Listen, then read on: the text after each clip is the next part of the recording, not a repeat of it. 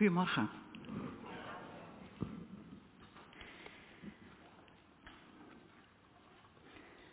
Van een heleboel mensen heb ik uh, vragen gekregen over uh, hoe was je weekend van Power Parent. Dan kan ik dat je allemaal individueel gaan beantwoorden, maar ik kan het ook gewoon even nu vertellen. Dat leek me fijn om te doen. Uh, het was echt een, fantastisch weekend. De groep was wat kleiner. Um, en we merkten ook het verschil, dat gaf iemand ook aan. Oh, sorry, wil je mij nog even mijn telefoon geven, want dit wilde ik even voorlezen. Ik wilde een reactie voorlezen van iemand. Ik denk dat zegt meer dan wat ik vertel. Dankjewel. Dat is van een van de Vlaamse mensen die, uh, die aanwezig was. En voor de mensen die niet weten wat PowerParent is. PowerParent is een uh, stichting die richt zich op het bemoedigen uh, en empoweren van alleengaande ouders. En dat kan zijn door echtscheiding, of het kan ook zijn doordat je uh, uh, verlaten bent, of het kan zijn doordat je partner overleden is. En we zijn er nu een aantal jaren zijn we daar nu mee bezig. Dit is de derde keer. En de reactie die ik kreeg van iemand was, als ik overdenk wat mij geraakt heeft, dit afgelopen Power Parent Weekend, dan is het vooral het gewoon er mogen zijn. Dit Power Parent Weekend was voor mij de tweede keer. Het allereerste weekend had ik ook meegemaakt. En ik ontdekte in dit weekend dat ik het nu anders beleefd heb dan die eerste keer. Ik durfde nu de vrijheid te nemen om niet met elke activiteit mee te doen. Daar was er bijvoorbeeld één van. Maar ook was er het zien van de diverse fasen waar mensen doorheen gaan. En het in jezelf ontdekken van een mate van groei en stevigheid in vergelijking met zo'n vorig weekend. Het aangaan en doorworstelen van nieuwe uitdagingen of moeites. En hetzelfde dan ook weer ontdekken bij andere deelnemers die het weekend opnieuw deelnamen. Dit is zo bijzonder. En uh, voor thuis heb ik de opnames van het lied dat voor mij gezongen werd door Ebele in zijn mini-theater. En dat zal ik nog regelmatig beluisteren. Ik denk dat dat heel veel zegt. Mensen uh, durven zichzelf te zijn. Je hoeft niks aan elkaar uit te leggen, want je weet allemaal wat je meegemaakt hebt en waar je doorheen gegaan bent. En uh, ja, dat is gewoon heel prettig en heel mooi. En eigenlijk is het gewoon een veilig thuis. Wat je mensen kan bieden. In ieder geval voor een weekend lang. En in de hoop dat ze dichter bij God, dichter bij zichzelf komen. Contacten opdoen. En bemoedigd weer de samenleving ingaan. En voor sommigen is het echt op naar het volgende weekend. Een heel groot deel heeft zich gelijk weer opgegeven. Omdat er zo'n behoefte is aan gewoon verbinding met elkaar. Nou, dat even daar gelaten. Ik had een, een, een slijmbeursontsteking aan mijn knie, dus ik was zelf heel immobiel. Dat is echt niks voor mij. Uh, maar ja, het is wat het is. Gelukkig hoef je het nooit van jezelf te verwachten, maar doet de Heer het. En dat sluit weer mooi aan bij het thema van vanmorgen, veilig thuis, taal en teken. Mag ik jullie voorgaan in gebed? Want Heer, dank u wel dat we hier mogen staan in de wetenschap dat onze hulp is in de naam van u. Dat u het bent die de hemel en de aarde gemaakt heeft. Die trouw houdt tot een eeuwigheid en die nooit laat varen het werk wat uw hand begonnen is in onze levens. Dank u wel dat we vanuit die genade en die vrede deze dienst mogen ingaan. En dat u door ons wil spreken over taal en teken. Amen.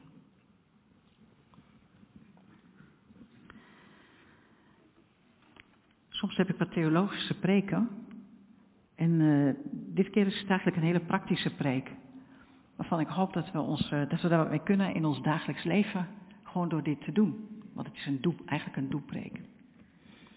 We willen graag een veilig thuis zijn met elkaar. Uh, en dat doen we door ons met elkaar te verbinden. Dat is ook het thema, het jaarthema van het afgelopen jaar. En dat doen we op een aantal manieren.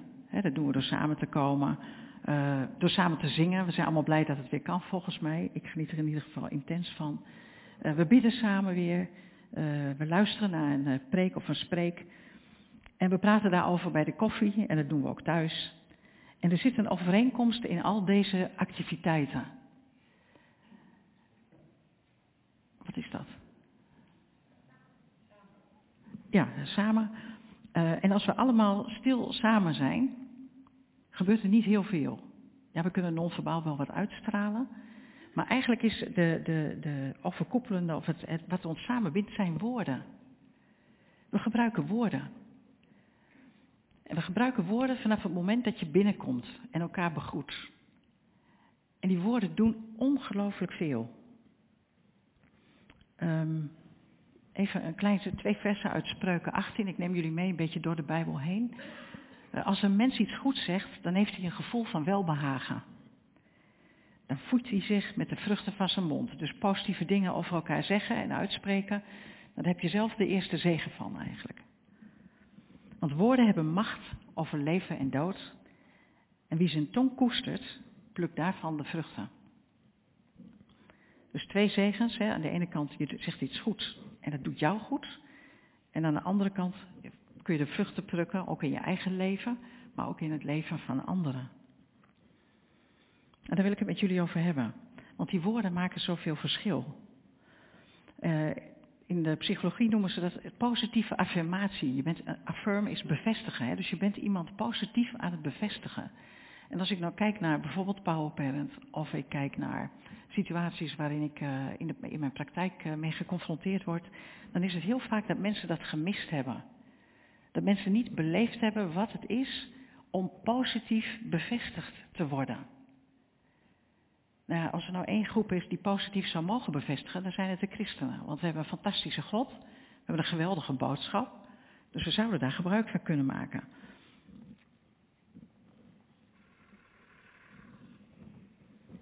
Mag die iets harder? Oeps.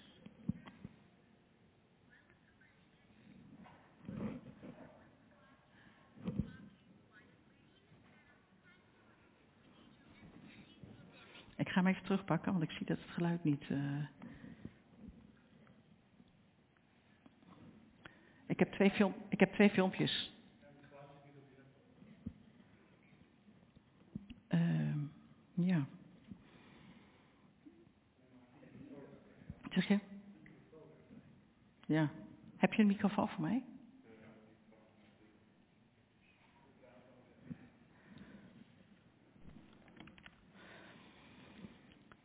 Uh, het is een filmpje, het is, ook, het is in het Engels in principe, maar en waar zit mijn geluid dan eigenlijk? Waar komt het uit? Waar moet ik me houden?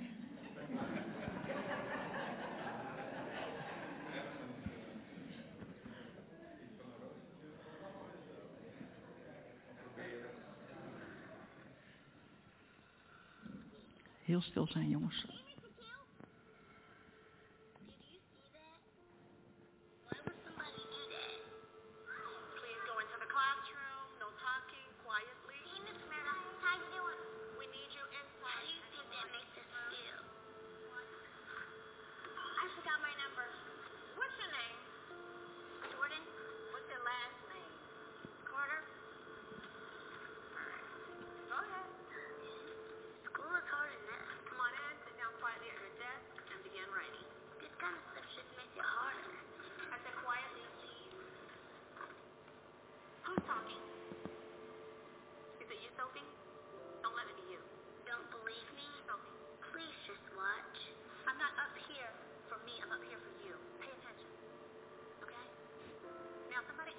It's going to be dancing really fast.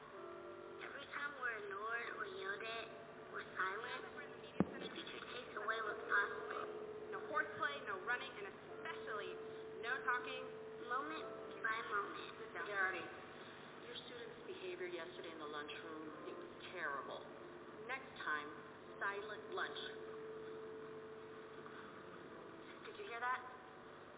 Stay in line and catch a bubble.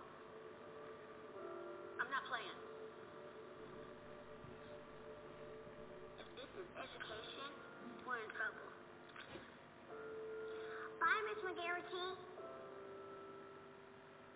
Frederick Douglass said, once you learn to read, you'll be forever free. The way it is now, two of the three of us will never be able to really read. It doesn't have to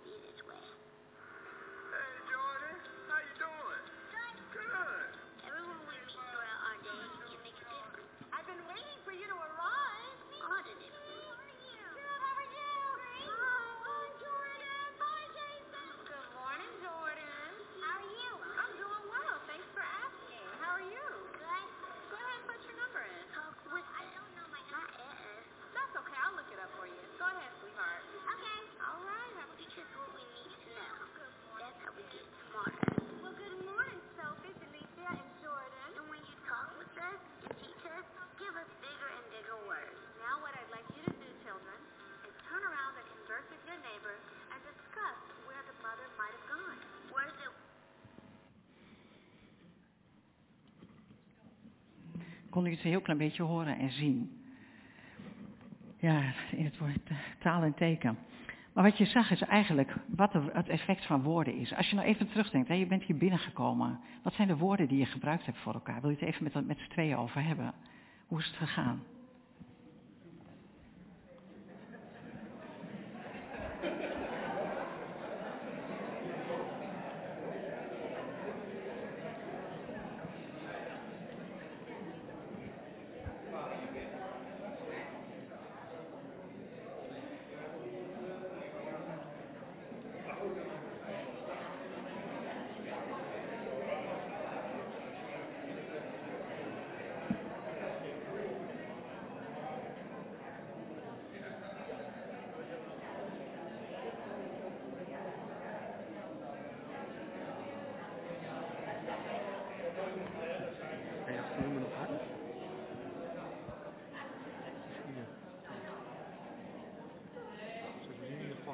Hard.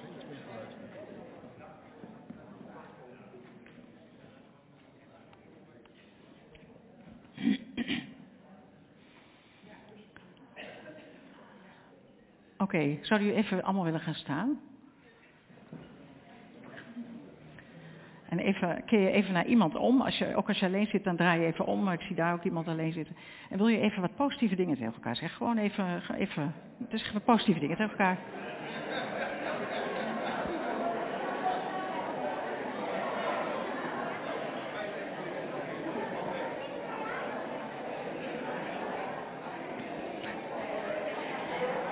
Dankjewel. Klonk mooi.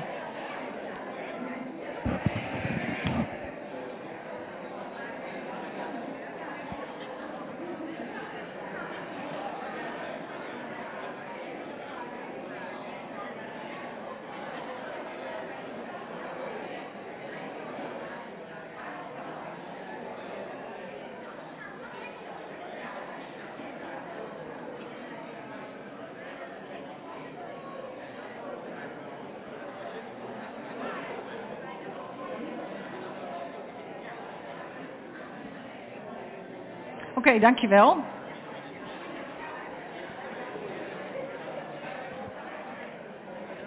Wie heeft er nog geen positieve woorden gehoord?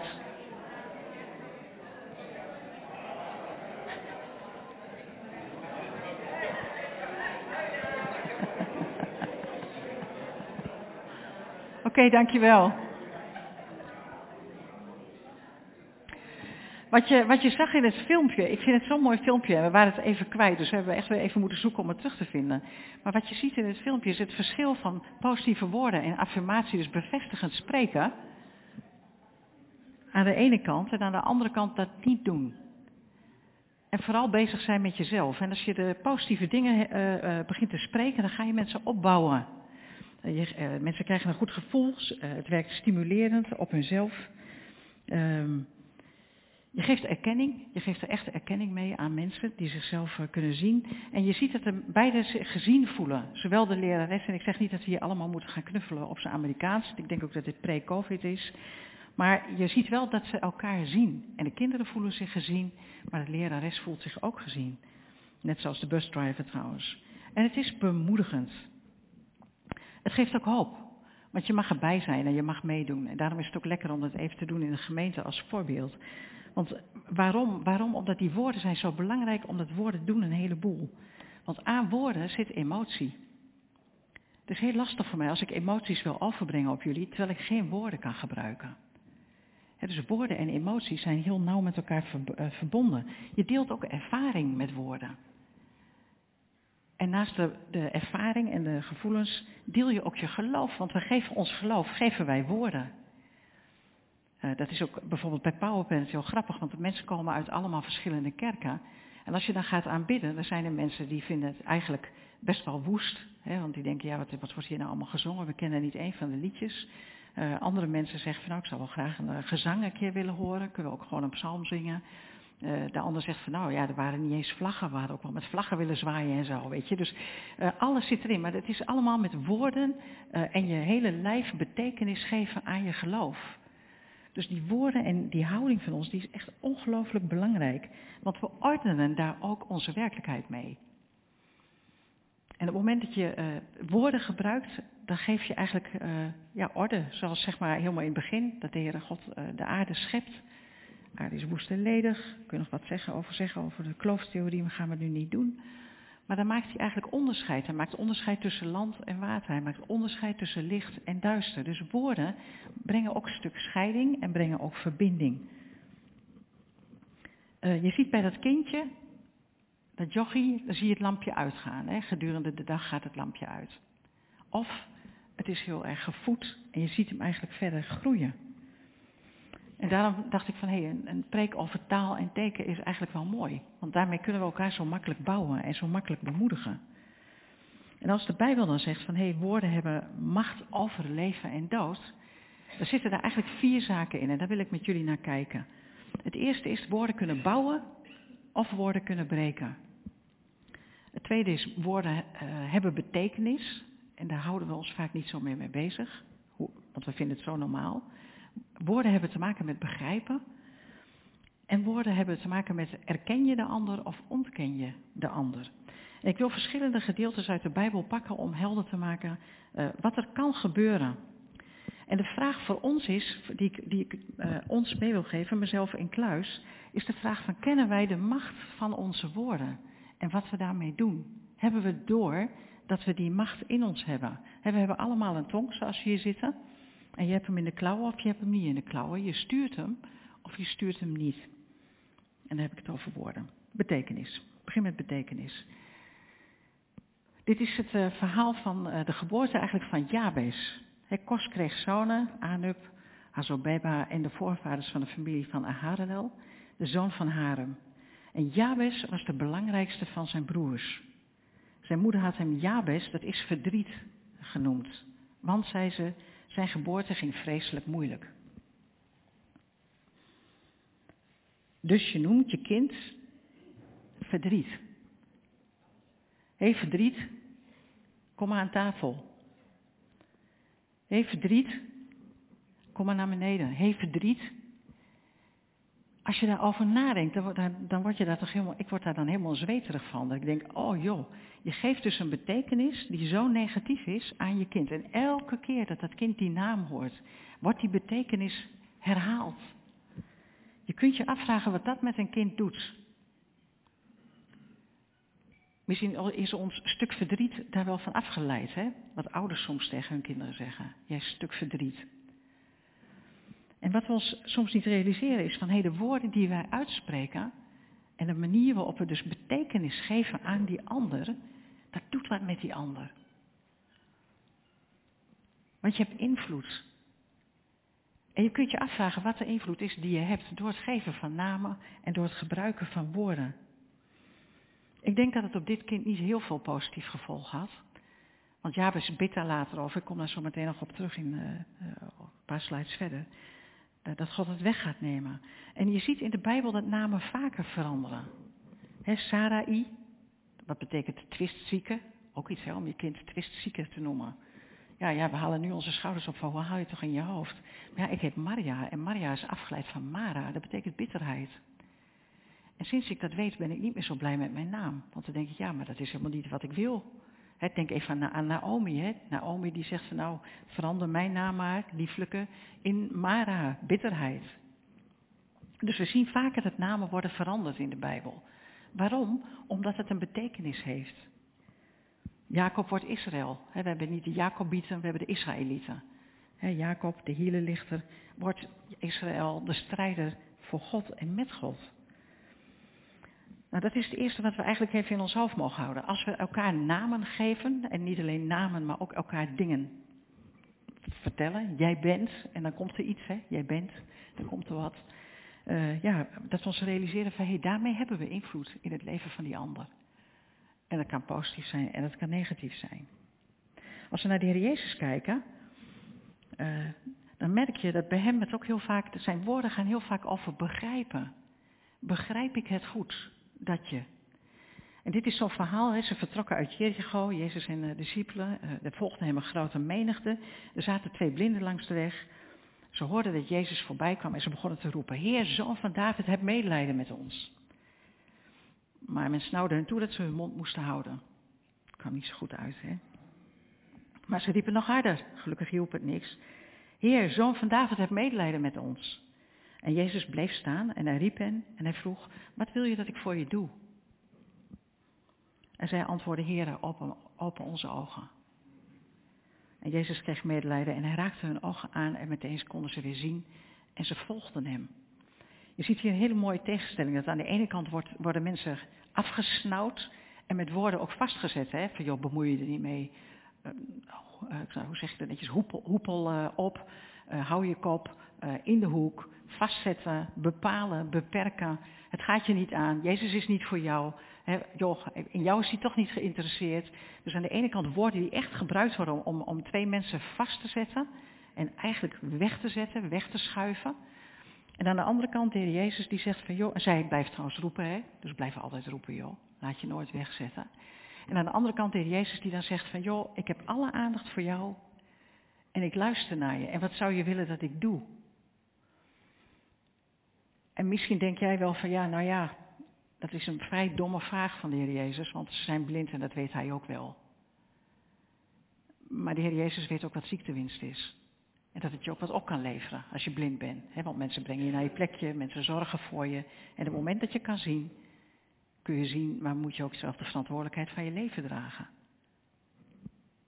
Wat wil je dat ik doe?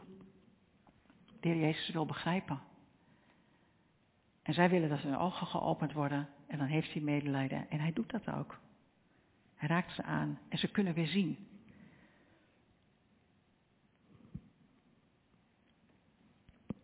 Woorden hebben ook te maken met erkennen of ontkennen. Ik kom dat zo verschrikkelijk veel tegen, bij mezelf ook. Iemand komt bij me en die zegt van joh, mijn leven is moeilijk. Ik heb een heel zwaar leven, heel zwaar. En dan begint er bij mij van binnen iets van, oh, maar het valt toch eigenlijk wel mee, joh. Joh, kijk naar de positieve dingen. Hè? Zo erg is het nou ook weer niet, enzovoort. En dan ga ik eigenlijk ontkennen wat die ander zegt. En sommige mensen hebben dat ook als je blijde dingen vertelt.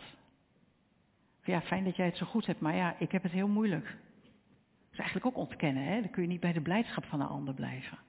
Nou, wat de Heer Jezus, die doet het niet. Die gaat dat een stapje verder.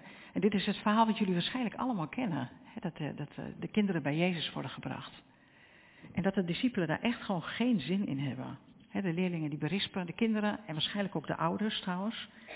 En dat vind ik zo mooi dat er staat dat de Heer Jezus zich daar dan over opwindt, hè, als dat gebeurt. Hij is het er niet mee eens. En hij zegt, laat de kinderen tot me komen, houd ze niet tegen, want het koninkrijk van God behoort toe aan wie is zoals zij. Zoals zij. Dus hij geeft opeens een erkenning aan die kinderen dat is fenomenaal. Dat is fenomenaal. Ik stel me zo voor dat dat niet echt kindjes waren zoals van die net in dat rijtje, hè, handjes op de schouders en ze lopen netjes in een rijtje. Dat was natuurlijk niet zo. Dat waren gewoon kinderen die waren aan het spelen en die wilden erbij zijn en die waren lekker bezig. En dan zegt de Heer Jezus, ja, maar dat, dat is, het koninkrijk van God is voor deze kids dus. Daar is het voor. Dus je ziet dat hij zijn woorden gebruikt om te erkennen. En wij gaan meestal er tegenover staan. Wij vinden dat blijkbaar heel erg lastig. Ik vind dat blijkbaar ook heel erg lastig. Terwijl de Heer Jezus eigenlijk gewoon zegt van joh, laat het zijn. Laat het er zijn. Dus als iemand bij je komt met een heel verdrietig verhaal, dat je dat niet gaat ontkennen, maar dat je gewoon mee kan veren. Van joh, vertel eens. En doe eens. En op een gegeven moment voelt iemand zich gezien en gehoord, want die mag er ook zijn, net zoals die kinderen het verhaal mag staan, mag blijven staan. Ik denk dat dat een van de fijnste dingen is om te doen. En dan zie je dat hij de kinderen in zijn armen neemt en ze zegent. Je kunt pas bij erkenning tot zegen zijn voor de ander. Als ik jou een verhaal vertel en jij zegt, ach Maria, nou ja. En je gaat daarna zeggen, zou ik ook nog even voor je bidden? Dan denk ik dat ik niet zoveel behoefte meer heb aan dat gebed. Want mijn verhaal mocht niet blijven staan. Maar op het moment dat jij hebt geluisterd en je hebt een stuk van je leven met elkaar kunnen delen, dan is een gebed vaak zo passend. Vanuit de relatie die er, die er ontstaat door die woorden. Oké, dan als laatste het bouwen en het breken.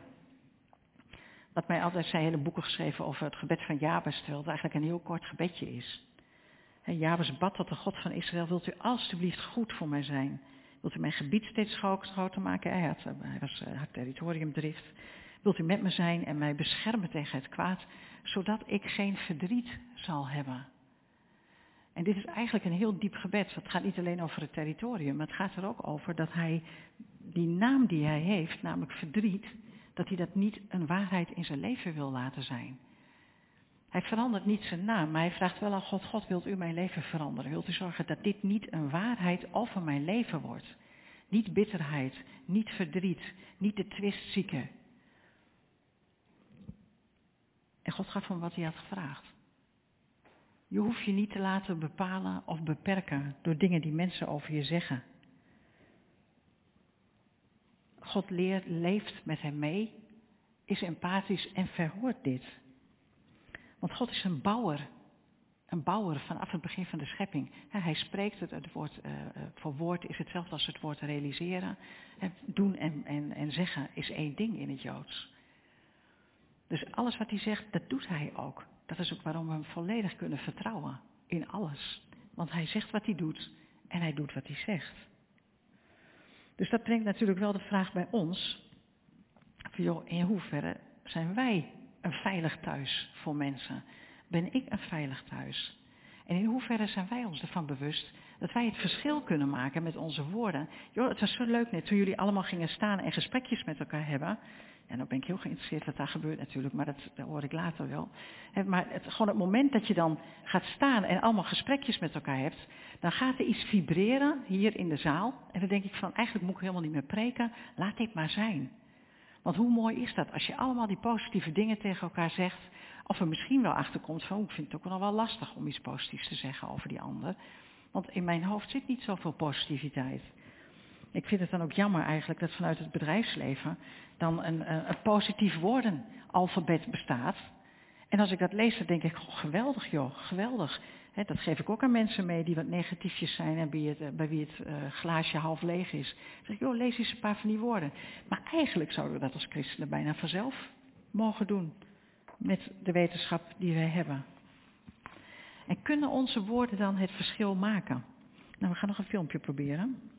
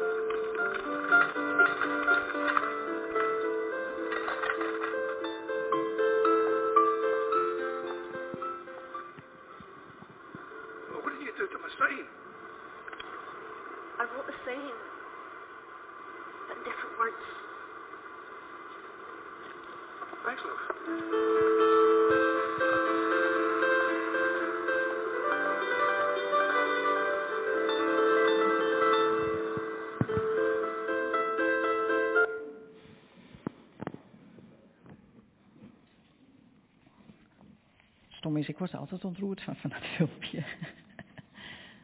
ja.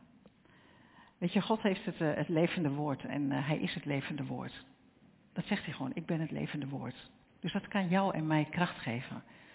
Het is niet alleen zo dat woorden macht hebben bij Jan en alle man, maar we mogen als christenen weten dat juist door Gods geest er extra kracht aan onze woorden gegeven kan worden.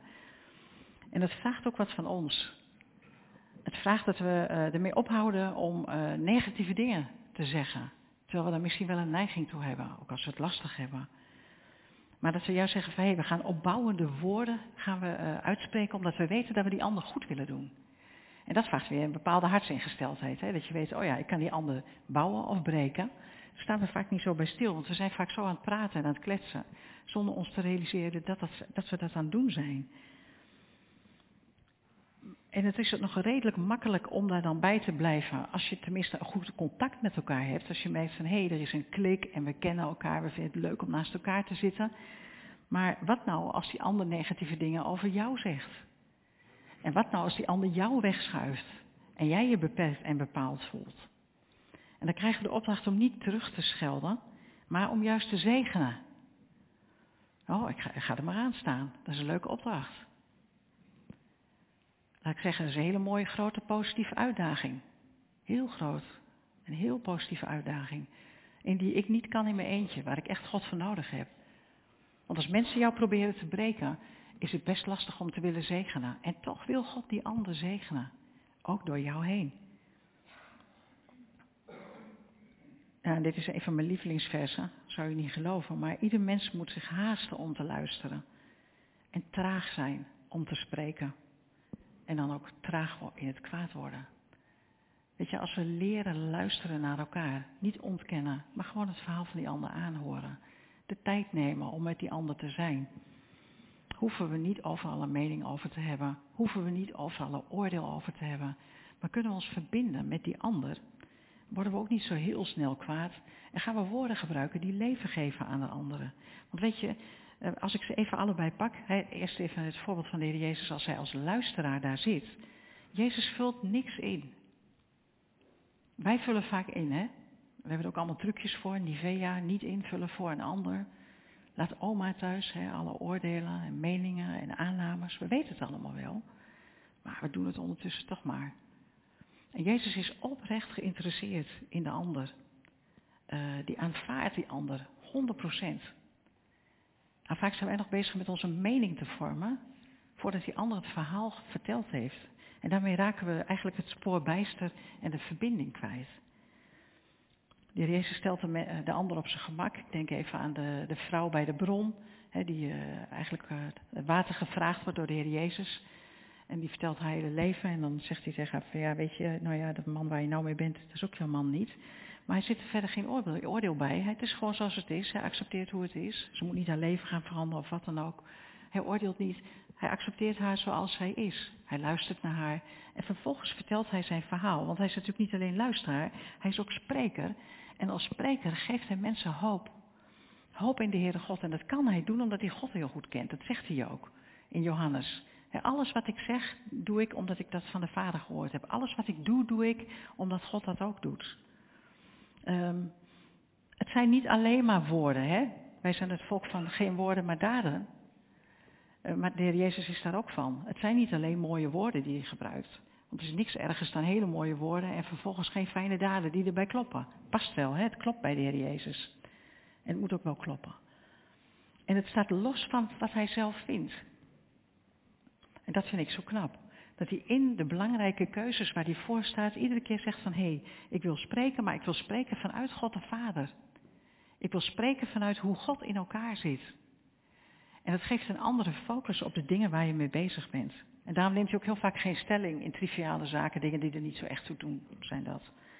Maar hij stelt andere vragen. Hij stelt liever een vraag zodat de ander na gaat denken, dan dat hij komt met allerlei waarden van zo is het, zo is het en zo moet je het doen.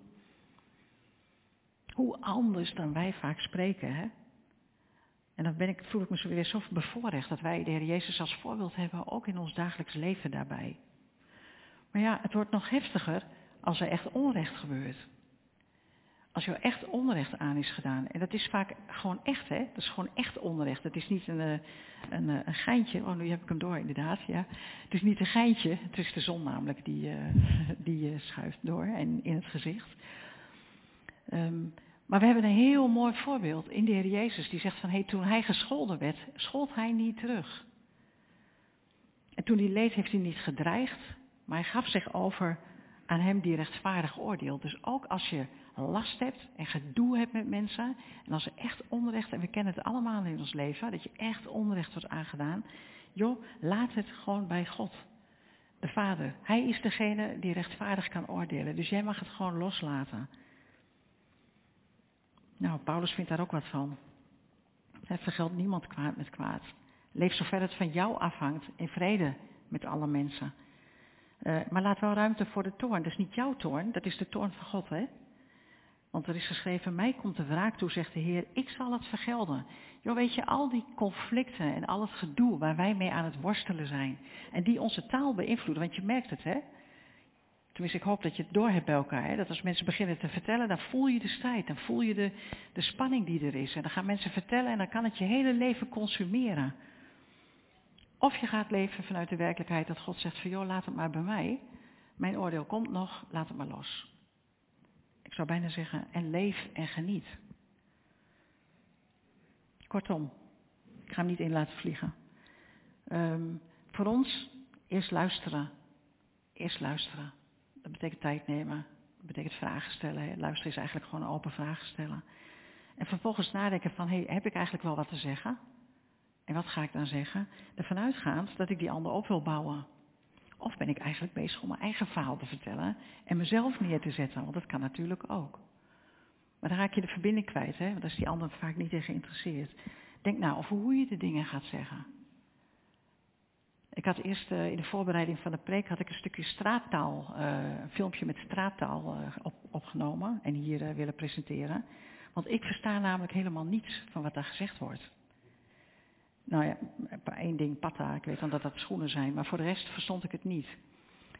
Um, dat betekent dat als wij de boodschap van het evangelie willen vertellen aan jongeren die met straattaal bezig zijn, dat we een andere taal moeten gaan gebruiken. He, ze zijn de Bijbel er ook in aan het schrijven. Betekent ook dat de verschillende generaties waar we nu mee te maken hebben, andere taal gebruiken, maar er ook andere betekenis aan geven. Betekent ook dat taal best wel lastig is. Het is nog een wonder dat we goede gesprekken met elkaar kunnen hebben. Want we zijn wel aan het ordenen, alleen de verschillende generaties ordenen ook op een andere manier. En dan wordt het best wel lastig om de goede woorden te gebruiken waarbij we toch aansluiten bij die ander. En daarom moet ik eerst luisteren naar die ander. En daarom moeten wij eerst luisteren naar die ander. Want anders slaan we de plank mis. En ja, in hoeverre zijn we ons be, be, be, bewust van het feit dat we echt effect hebben op die ander. Dat de woorden die jij zegt, dat die echt wat doen met die ander. Ik denk dat we allemaal uit ons leven één heel negatief ding weten wat iemand ooit tegen ons gezegd heeft. Dat raak je dus niet kwijt. Dat wordt zo'n soort haakje en daarna kan er allerlei andere troep aankomen te hangen. Het zijn van die haakjes die mogen we loslaten, die moeten we echt bij God brengen. Want anders dan raakt dat je zelfrespect, je eigen waarde. En als het misgaat bij jezelf, want wij kunnen ook fouten maken, ik maak ook fouten in de communicatie, uh, geef erkenning daarvoor. Dit heb ik niet goed gedaan, dit heb ik niet goed gezegd. En vraag elkaar vergeving. En begin opnieuw. En niet opnieuw met dat je de volgende keer zegt van, oh ja, maar weet je, dat heb je toen en toen en toen heb je dat ook al gedaan. Ja, dat heb je ook sorry gezegd, maar het stelt natuurlijk helemaal niks voor, hè, want je hebt het nu dus weer gedaan. Ja, zo gaat God ook niet met ons om. Dus dat mogen we ook niet naar elkaar doen. We mogen de ander wat dat betreft onszelf vrijzetten, maar ook de ander vrijzetten.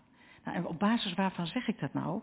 Onder andere, en ik ga het niet met jullie lezen om de tijd, maar als je kijkt in hoofdstuk 11 in Hebreeën, daar staan daar allemaal, dat heet de geloofsgetuigen. Maar daar staan mensen bij waarvan je denkt van nou, daar kan ik ook nog wel wat op aanmerken in hun leven. Daar ging nogal eens wat mis. Maar op de een of andere manier doet het er dus blijkbaar niet toe. Want voor God en voor Paulus zijn dat mannen en vrouwen van statuur. Waarom? Omdat het geloofsgetuigen zijn. Um, ja, je moet het maar eens gaan lezen. Het is echt, is echt opmerkelijk. Dus blijkbaar kijkt God niet naar die negatieve dingen. En blijkbaar is het echt waar dat als je uh, je zonde bij de Heer brengt, dat hij vergeeft en dat ze zijn weggedaan. He, zo ver als oost en west van elkaar zijn, in het diepste der zee, bordje erbij, niet vissen, he, zegt Corrie ten Boom. Vergeven, klaar. Nieuwe wereld, nieuwe kansen. En in de voorbereiding kwam ik, uh, kreeg ik van iemand een mailtje en daar stond Stefania 3 in. Ik denk, nou die past er helemaal bij. De Heer uw God is bij u, hij is een machtige verlosser. Iemand bad daar ook een stuk uit het Oude Testament uh, in de aanvang van de dienst. De Heere God is een machtige verlosser, hij zal vol blijdschap over jullie zijn. Hij zal je lief hebben, hij zal je niet beschuldigen. Weet je, Nederlanders staan erom bekend dat wij keihard beschuldigend kunnen communiceren. Wij kunnen zo goed de schuld bij de ander neerleggen. En misschien ook wel helemaal terecht hoor. Maar we hebben er ook een soort kunst van gemaakt of zo. Nou, de Heere God zegt, ik ga je lief hebben, ik ga je niet beschuldigen. Dat zegt hij tegen zijn volk. Nou, daar viel ook wel wat op aan te merken.